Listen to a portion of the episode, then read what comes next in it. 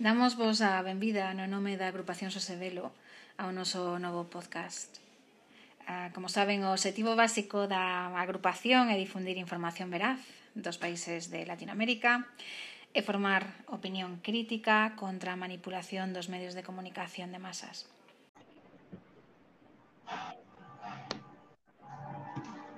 Listo, vamos. Eh, ¿Estás? Estou? Vale, veña, vou.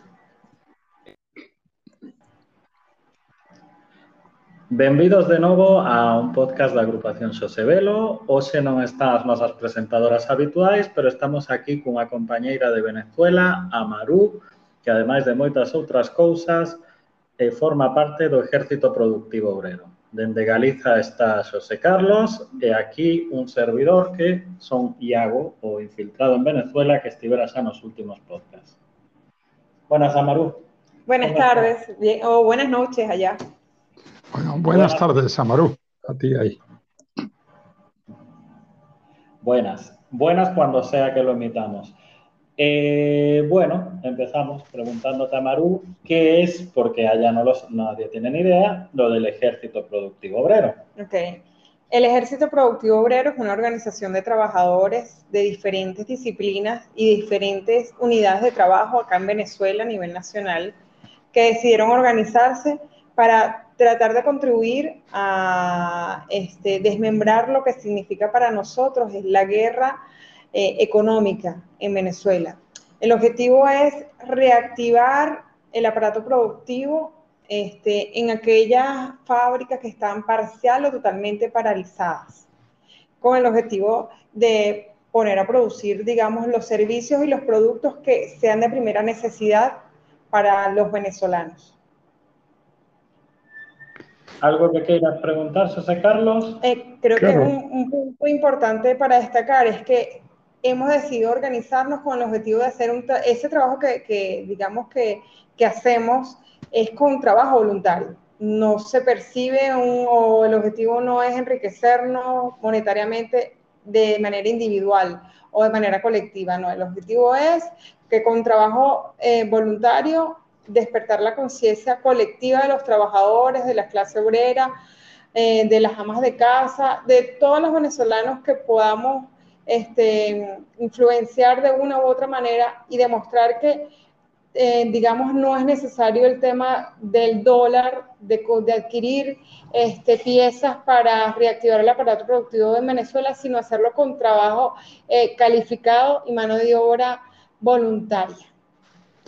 Sí, ahí, ahí, ya te me adelantaste una de las preguntas, ¿no? Pero muy bien, porque iba a decir ya el concepto de hacer algo así voluntariamente, allí ya suena muy raro, ¿sabes? Que no se haga cobrando, era una de las cosas que me, que me habéis comentado. No sé si José Carlos quiere preguntar algo ahora o... Sí, sí. Eh, buenas tardes, Amaru.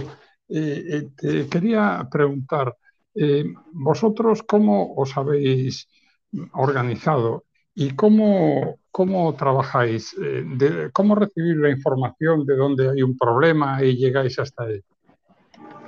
Eh, por lo general, eh, la información la recibimos de los mismos trabajadores. Cuando eh, se percibe que hay una fábrica, este, una unidad de producción que tiene esa referencia de parcial o totalmente paralizada y, y requiere, digamos, esos servicios de manera inmediata para el país, este, por lo general llega de una u otra vía la información de la mano de los trabajadores, de la planta, que nos hace llegar eh, la información y nosotros evaluamos, cuando digo nosotros, existe mm, una directiva, por llamarla de alguna manera, que trabaja este, de, manera estratégica, distribuida a nivel nacional zona central, zona de, de red central, red de oriente y occidente. El objetivo es, como así nos llega una información de una planta específicamente, nos llegan en paralelo varias. Entonces, de, dependiendo de la información, de la importancia para el país, nosotros evaluamos cuál es la que debemos eh, acatar o atender de manera más inmediata. Entonces, partiendo de allí y con la colaboración de esos trabajadores de planta, es que este, ya empiezan a tomarse, digamos, algunas medidas y algunas decisiones de manera conjunta y colectiva. A estas alturas eh, sois aproximadamente 4.000 trabajadores y trabajadoras, que es mucho más que un ejército. no, eh, ¿Cómo eh, pueden ustedes organizarse para que cada uno sepa lo que tiene que hacer y cuándo lo tiene que hacer? Bueno, por lo general no sé si es que mágicamente al principio este, ya la experiencia, ya la experiencia, digamos, de tener 14 ejercicios de esos encima, y digamos en la actualidad serían 17, este, ya la experiencia te va diciendo cómo es que tú vas a ir haciendo, digamos, la recolección de la información y la recolección de las disciplinas necesarias para atender esa unidad de producción.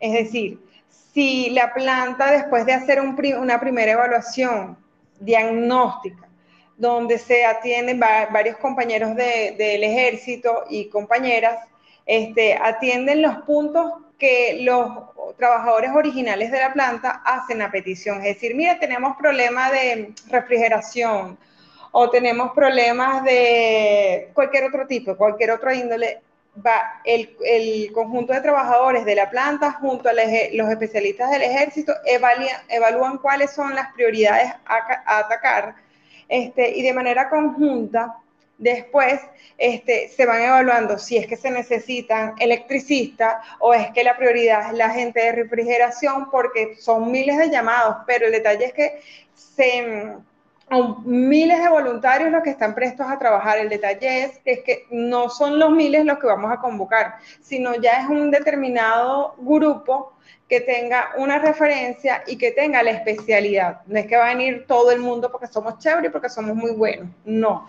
ya es preseleccionado y de acuerdo a la zona geográfica donde estés, eh, a la cual pertenezca. Entonces, si la persona o los trabajadores, si la planta requiere personal de refrigeración, por ejemplo, este, y la planta está ubicada en el Zulia, entonces vamos a buscar preferiblemente a ese personal que esté en el lado del occidente del país. No lo vamos a ubicar, eh, digamos, todo del lado contrario porque Venezuela sufre de algunas particularidades con el tema ahorita de, de traslado. Entonces, en este aspecto, bueno, eh, Amaru, eh, mm, ustedes, eh, además de ir a buscar a la gente, como está diciendo, a un lugar que esté próximo y conecte, pues también tendrán, em, hay que suponer, que conseguir que esas personas, esos compañeros y compañeras estén disponibles. ¿Cómo, ¿Cómo funciona esto? Es decir, ustedes llaman a la compañera, al compañero que tiene que ir y eh, ese, esa compañera o compañero pide permiso en la empresa o en la organización en la que esté trabajando para ir esos días. ¿O ¿Cómo tienen establecido esto? Ok, este, existen varias metodologías, varias alternativas que nosotros buscamos con el objetivo de que los compañeros, sea como sea, lleguen. Este, por lo general, la mayoría de los compañeros trabajan en, unidades de producción estadales. Entonces, trabajan para el Estado venezolano y eso nos da una facilidad, entre comillas, de que podamos eh, pedir, solicitar el permiso, pedir, solicitar el servicio que ellos van a prestar en pro, van a ofrecer un servicio laboral, pero en otra unidad de producción, no para la que ellos eh, originalmente trabajan se presenta además que ya por lo general, dependiendo de dónde sea esa unidad de producción en la cual nosotros prestemos ese apoyo y dependiendo de, digamos, estratégicamente si conviene o no, utilizamos una u otra vía, porque a veces se puede ser muy abierto, pero a veces no hay que hacerlo a veces de manera reservada, entonces no se puede decir, mira, que yo voy para tal lugar, o el compañero se está solicitando el apoyo para que el compañero Pedro Pérez, por ejemplo, eh, preste sus servicios en la, fábrica de cemento de Estadolar, por ejemplo. Eh, no, a veces como te digo, dependiendo de la emergencia, dependiendo de quién sea el patrono, dependiendo de la envergadura del trabajo que vaya a hacer, este, y además porque manejamos un sistema, un listado de, de personas y además que, que, ya manejamos y que conocemos, eh, dependemos, a veces, digamos que, por ejemplo, hay trabajadores que, que se, se arriesgan a lo todo, pues no, no, ubicamos cualquier vía para yo mismo soy, después resuelvo ese tema del permiso o se utiliza una personalidad que nos conozca para que el patrón no, pueda decir, no pueda negarse. Entonces, este, dependiendo de, la personalidad, dependiendo a quién trabaje, dependiendo quién sea el compañero o compañera, utilizamos diversas vías. Además, tengado para xente de aí que en Venezuela é moito máis difícil votar a alguén, como din aquí, ou despedir a alguén do seu traballo. Non tampouco podes decir non porque non viu tres días, non sei que, si pode justificar, etcétera, etcétera. É moito máis difícil que hai. Bueno, e a Maru te iba a preguntar, sabemos ya cuántos sois eh, cómo os organizáis para ir de un lado a otro, pero ¿y quién sois concretamente? O sea, ¿qué tipo de trabajadores? ¿Cómo la gente llega al ejército productivo? Eh, por lo general, eh, nos conocen después de alguna experiencia en alguna fábrica cercana o en, y nosotros de manera voluntaria también hacemos sistema de alistamiento, así como hace el ejército regular. Este, nosotros hacemos ese sistema de alistamiento, acudimos a las fábricas, a las unidades de producción, a este, los espacios donde los movimientos sociales laborales de Venezuela podemos hacerles llegar esa información de que existimos, de que la mano de obra calificada, especializada este, y útil es necesaria en el país. Y entonces explicamos, damos una charla sobre qué es el ejército, qué hace, dónde lo hace, cuándo lo hace, cómo es el sistema, cómo funciona. Y partiendo de la gente se ve se involucra o manifiesta su voluntad para participar.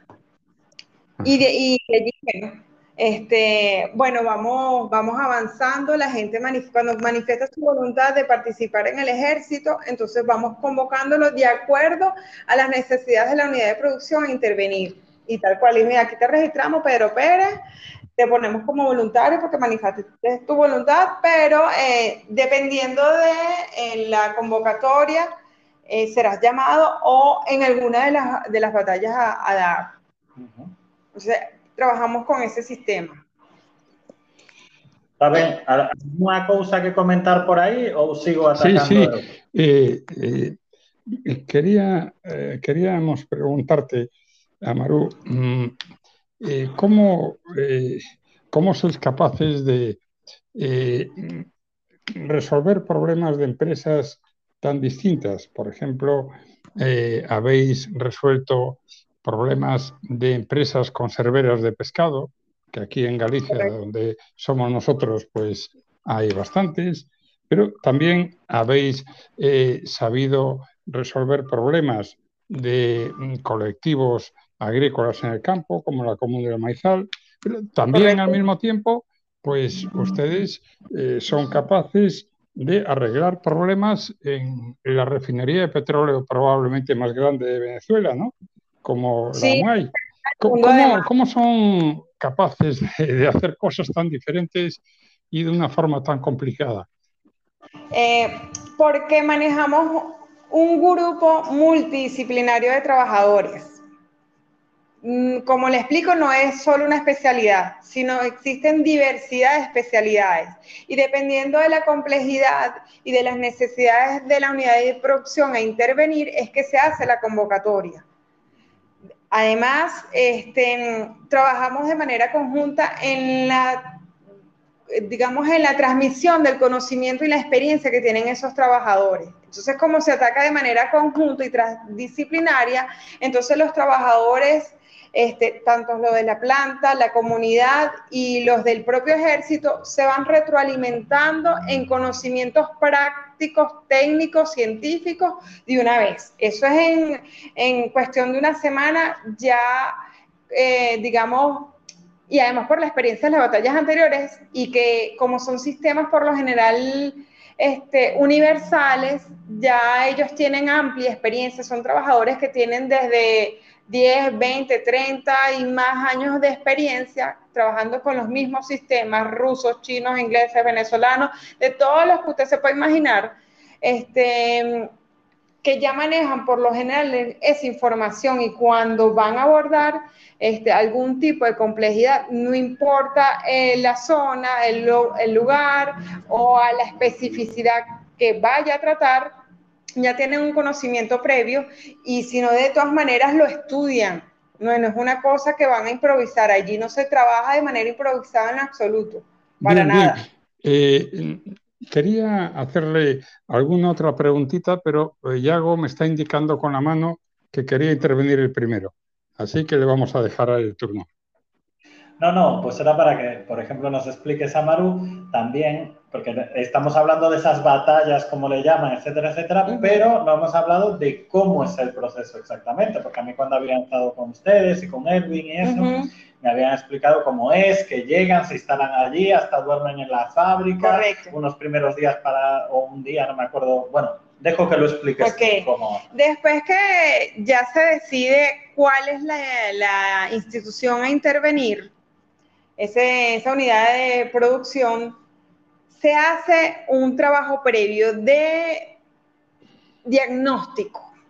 Ese proceso se puede llevar dos o tres días o un día, este, donde se evalúan las diversidades de requerimientos que va, este, que, que aspira, que amerita la planta como tal y los trabajadores. Entonces, después de esa primera fase de diagnóstico, que se puede hacer en entre unos cinco días, este, ya, se, ya nosotros el resto, digamos, de la, comitiva que se encarga de organizar este, la, esa batalla productiva obrera, como es como nosotros la denominamos, nosotros este, ya de, a partir de allí se van seleccionando los trabajadores, se van seleccionando las disciplinas que se van a requerir, los las especialidades, pues si es refrigeración, si es electricidad, si es plomería, qué es lo que se, cuáles son los requerimientos técnicos específicos, si es mecánica, etcétera. Entonces, partiendo de allí, este, ya se hace la selección. Son 10, son 40 trabajadores, son 50, son 100. Esa es la primera fase en la de diagnóstico.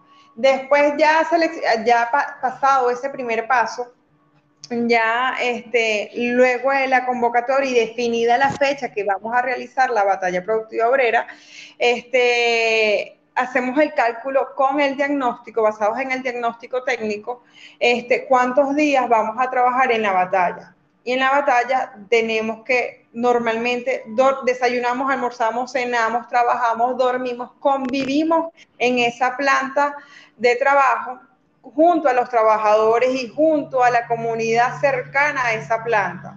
Porque, porque a partir de allí es que nosotros podemos eh, realmente hacer la transferencia de conocimiento, la transferencia y el despertar de la conciencia de los trabajadores. Y allí es que empezamos también a adquirir, digamos, ese, ese conocimiento empírico, técnico, especializado de la planta de producción eh, específicamente a intervenir y empiezan después también eh, el despertar de, de conciencia y recordar cuáles fueron los trabajos anteriores que se han realizado. Por lo general, siempre se hace una convocatoria de trabajadores ya experimentados en batallas anteriores y se hacen las convocatorias y se integran los nuevos. Y de allí de esas experiencias, de intercambio de experiencias, de empresas públicas, de empresas privadas también, este, se, va, se va dando el la segunda fase, que es la batalla en sí.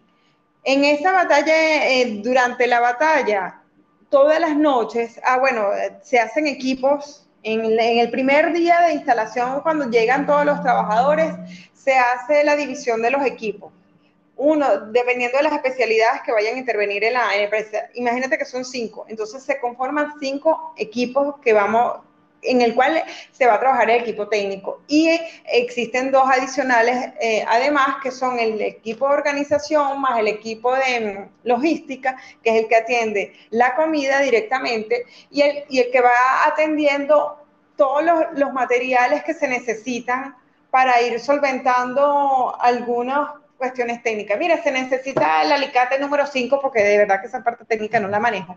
Entonces, ese, ese personal de, de organización este, va resolviendo todos esos insumos que, que, se ameritan, que mira, el trabajador de tal empresa dice que, que están en, en, el galpón, en el número 5, que por lo general a uno, o digamos, las empresas o el patrón va, va a decir, no existe, no hay, no Amaru, eh, eso eh, se ve que tal como lo explicas, debe fluir muy bien una vez que ustedes llegan y han conseguido arrancar. Pero cuando llegan ustedes a una empresa, eh, son recibidos con aplausos y con aclamaciones, la dirección dice bienvenidos, ¿es así? No, para nada. Siempre este, la bienvenida como tal o el recibimiento es bajo prejuicio, bajo temor, bajo una vista así estilo enemigo, quiénes son ustedes, a qué vienen a la empresa, pueden vernos como que si nosotros nos vamos a apropiar de la empresa, si vamos a quitarle los puestos de trabajo. Y después con la medida de los días, al pasar de los días y cuando empiezan a ver y a palpar y a verificar ellos mismos los milagros, que llamo yo los milagros, es cuando empiezan, este, digamos, a reactivarse aquellas aquellas maquinarias que tenían cinco, seis o dos o tres o no sé cuántos años totalmente paralizadas, que decían que es que, ah, es que no teníamos recursos, ah, es que los dólares no, llegaron. Recuerdo un ejemplo concreto que me había comentado Edwin de una empresa que llevaba cinco o seis años sin funcionar porque estaban esperando una pieza que iban a comprar que costaba no sé cuánto. Miles de dólares y se arregló y volvió a funcionar. Ajá, tal cual. Y entonces, por ejemplo, eh, eh, una de esas experiencias, yo la viví en la, primera experiencia que yo viví, que fue en Cagua, en la fábrica de cilindros de Cagua, de cilindros de gas. Este, eh, muchos, los, los, trabajadores estaban así eh, rescomosos o estaban así con los prejuicios, que no querían participar y a los dos días, porque fue el segundo día de haber comenzado el trabajo en la batalla, y vieron, palparon y escucharon, porque eso fue cuando, o sea, es, una cuestión que no se puede ocultar. No, los muchachos, este, los integrantes del ejército productivo, encendieron esa maquinaria, todo el mundo salió desde el más allá a verificar qué pasó y cómo lo lograron. Hace si eso tenía como 5 7 años que no se prendía. Entonces, a partir de esos milagros es que los trabajadores originarios de la planta es que empiezan a ver, ah, no, pero es que eh, eh, no, es que son algo, creo que tan malos no deben ser, porque si ya en dos días lo encendieron y gracias a, digamos, ya a, ese compartir, porque nos ven ahí desayuno, almuerzo, cena, merienda, compartimos, somos de la misma gente, de la misma clase trabajadora, algunos con títulos, otros sin títulos. Este, ya ellos eh, comienzan a, despertar esa curiosidad y cuando se dan cuenta que, ay, no, pero es que yo, fulano es de desde Carabobo, a lo mejor esa simpatía o que son de una misma comunidad o que han trabajado en las mismas empresas, pero no se conocían tal vez también, eso, eso da un, un, respiro de confianza en los mismos trabajadores que hace que después se involucren en las próximas eh, batallas productivas. Y como te dije anteriormente, en todas las noches, durante todas las noches de los días que dure la batalla, se hace un parte. En las noches cada grupo va diciendo, hoy hicimos tales y tales trabajos y se requiere tal cosa para avanzar y van diciendo, avanzamos en un 10, 15, 20, 30 o el porcentaje que, que sea necesario hasta llegar al 100% en la mayoría de los casos. Este, y cuando supongamos que uno de esos equipos logró el, alcanzó el 100% del objetivo planteado originalmente, no es que después, ay, me desocupé y ya, listo, me voy de vacaciones. No, señor, pasa a, apoyar los demás equipos. En cualquiera de las, de las, de los escenarios que esté, tanto en lo técnico como en la logística, en la comida, en la organización, en cualquiera de, los equipos que esté presto. Y por lo general, eh, los trabajadores ya tienen consciente de los que ya han participado originalmente, tienen experiencia, ya ellos saben qué hacer y no están esperando, aquí no hay jefe, pues en ese sentido no hay un jefe que te va a decir, no hay patrón que te va a decir, mire, usted le toca hacer esto y esto y aquello. No, eso no existe. Aquí de manera voluntaria la gente dice, mire, yo, yo me voy para el equipo número uno, yo me voy para el equipo número dos, yo me voy para el equipo de refrigeración, yo me voy para el equipo de mecánica, este, o yo me voy para el equipo de logística y la comida, cualquiera. Este, y nos organizamos y nos distribuimos, porque por ejemplo no es igual alimentar a cinco personas que cuando ya son 70, este, entonces ya nos vamos distribuyendo, mira, me toca el lunes, el otro el martes, a mí el desayuno, el otro eh, en el almuerzo y el otro en la cena, así lo vamos haciendo. Y te iba a comentar otra cosita, que tú mencionaste antes dos veces la conciencia. Y a mí me había explicado Edwin también, cuando estuve con él, sí que el trabajo no es simplemente técnico. Correcto. Sino también es que es de formar conciencia y que los trabajadores vean que no hace falta ser un ingeniero a lo mejor para saber reparar tal máquina o esto, sí. ¿no? ¿Cómo es ese tipo este, Aquí tal vez el tema de la subestimación por no tener títulos puede, puede mm, sugerir que la gente no desee participar de, en primera instancia.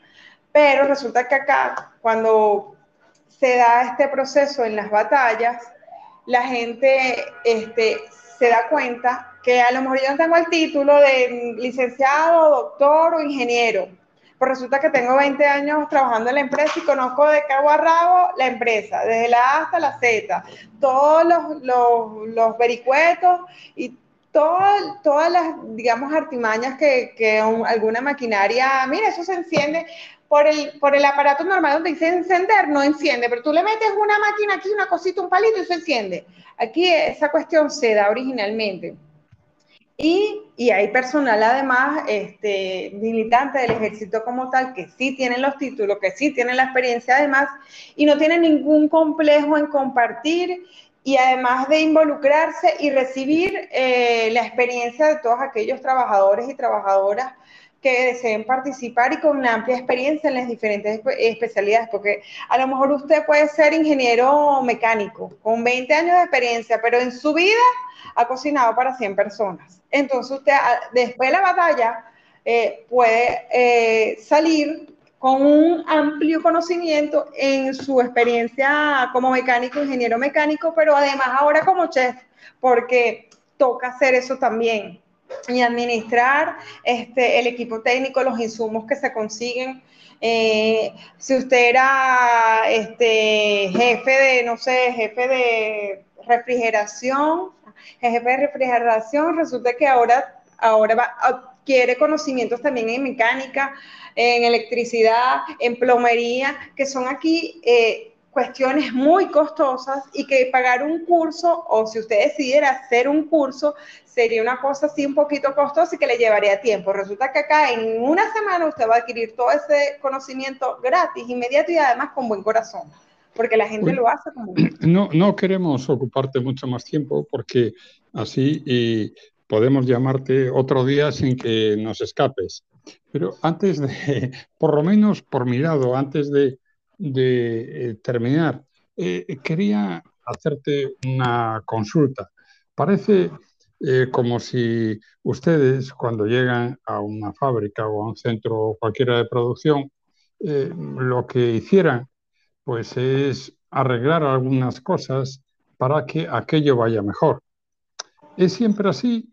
¿O, o ustedes se enfrenta a problemas más graves. Por ejemplo, ¿qué fue lo que ocurrió en la Gaviota, la fábrica de conservas?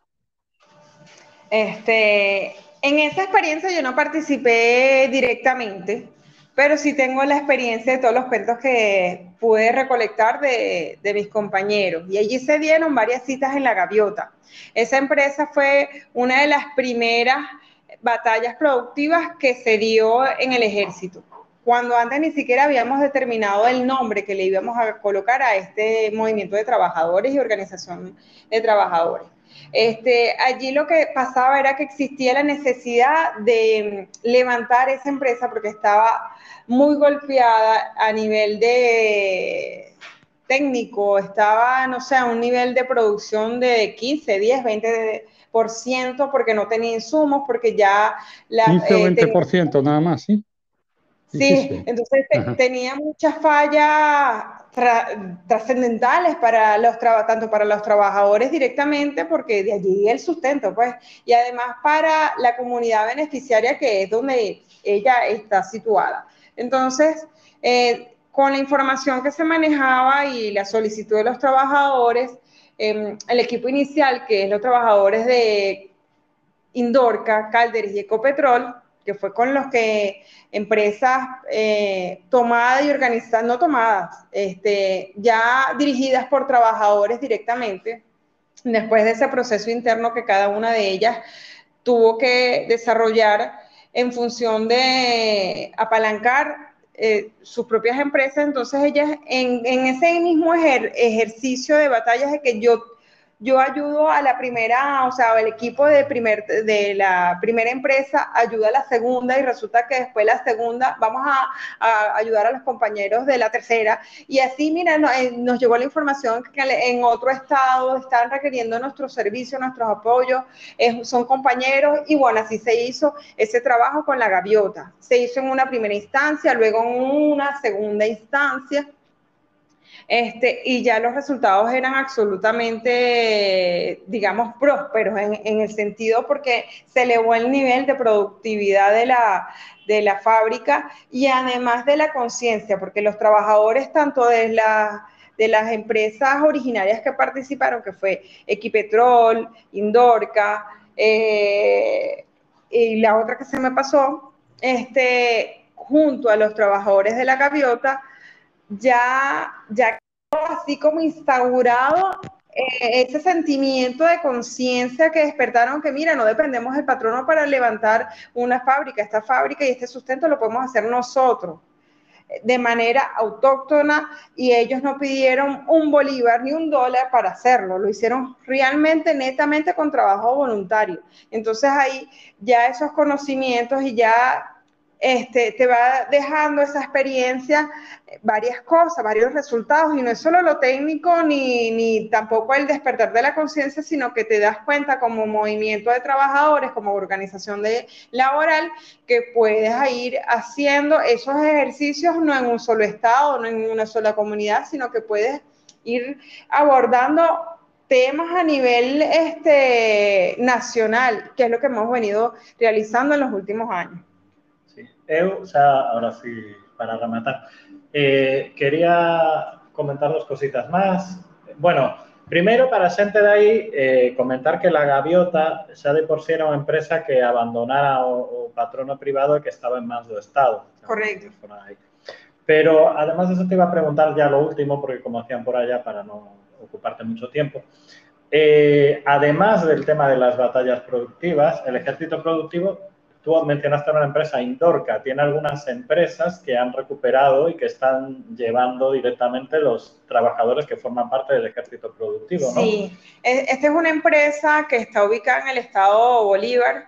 Eh, fue restablecida por los trabajadores en aquella época donde el patrón, el patrono decidió este, apostar también al bloqueo, apostar por, desestabilizar eh, al país y dejar al abandono a los trabajadores a su suerte. Entonces, los trabajadores tenían dos opciones. Disculpa, eh, Amaru, repite otra vez. Eh, que decías que el patrón, el jefe, pues se apuntó al bloqueo contra la economía de Venezuela y después dijiste algo más que no, no se te escuchó. ¿Qué fue lo que añadiste?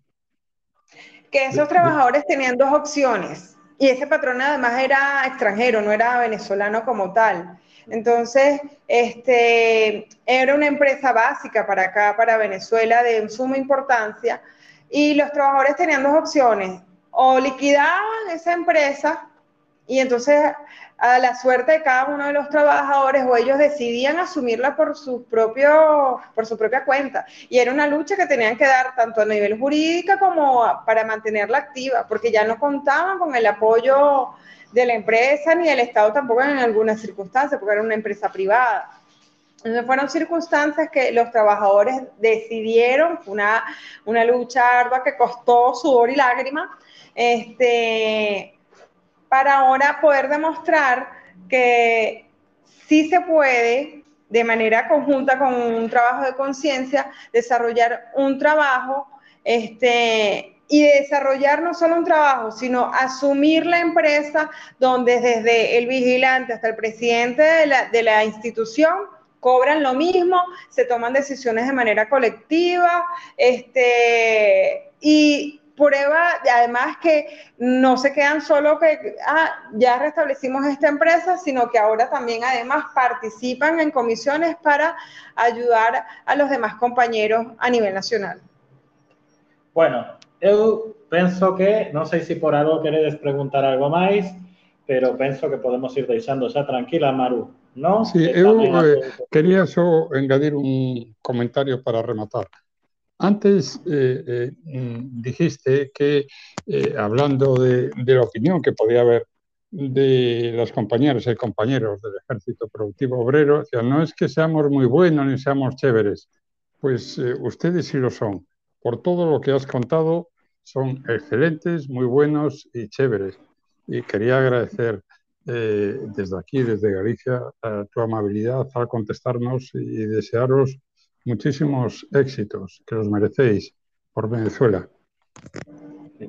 Eu, antes de despedir a Maru, quería comentar, antes dixen Alcoa, que a, Maru non sabería por que falar, porque claro, na Galiza temos bastante experiencia de empresas abandonadas polos patróns, os traballadores as, e as traballadoras, a súa sorte, e eh, parece como que é un destino fatal e que non hai nada que facer por aí, e bueno, aquí temos exemplos de que poden ser facer outras cousas. Y les va muy bien después de que ellos asumen esa responsabilidad. Pues muy bien, mira, Amaru, entendió perfectamente de lo que estaba diciendo. Bueno, muchas gracias, Amaru, y a ver, espero que podamos eh, estar otra vez contigo, para que nos cuentan. Chévere. Buenas.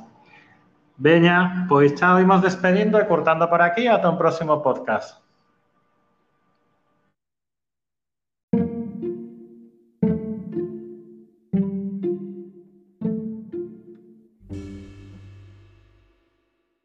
Agrupación xosevelo.gal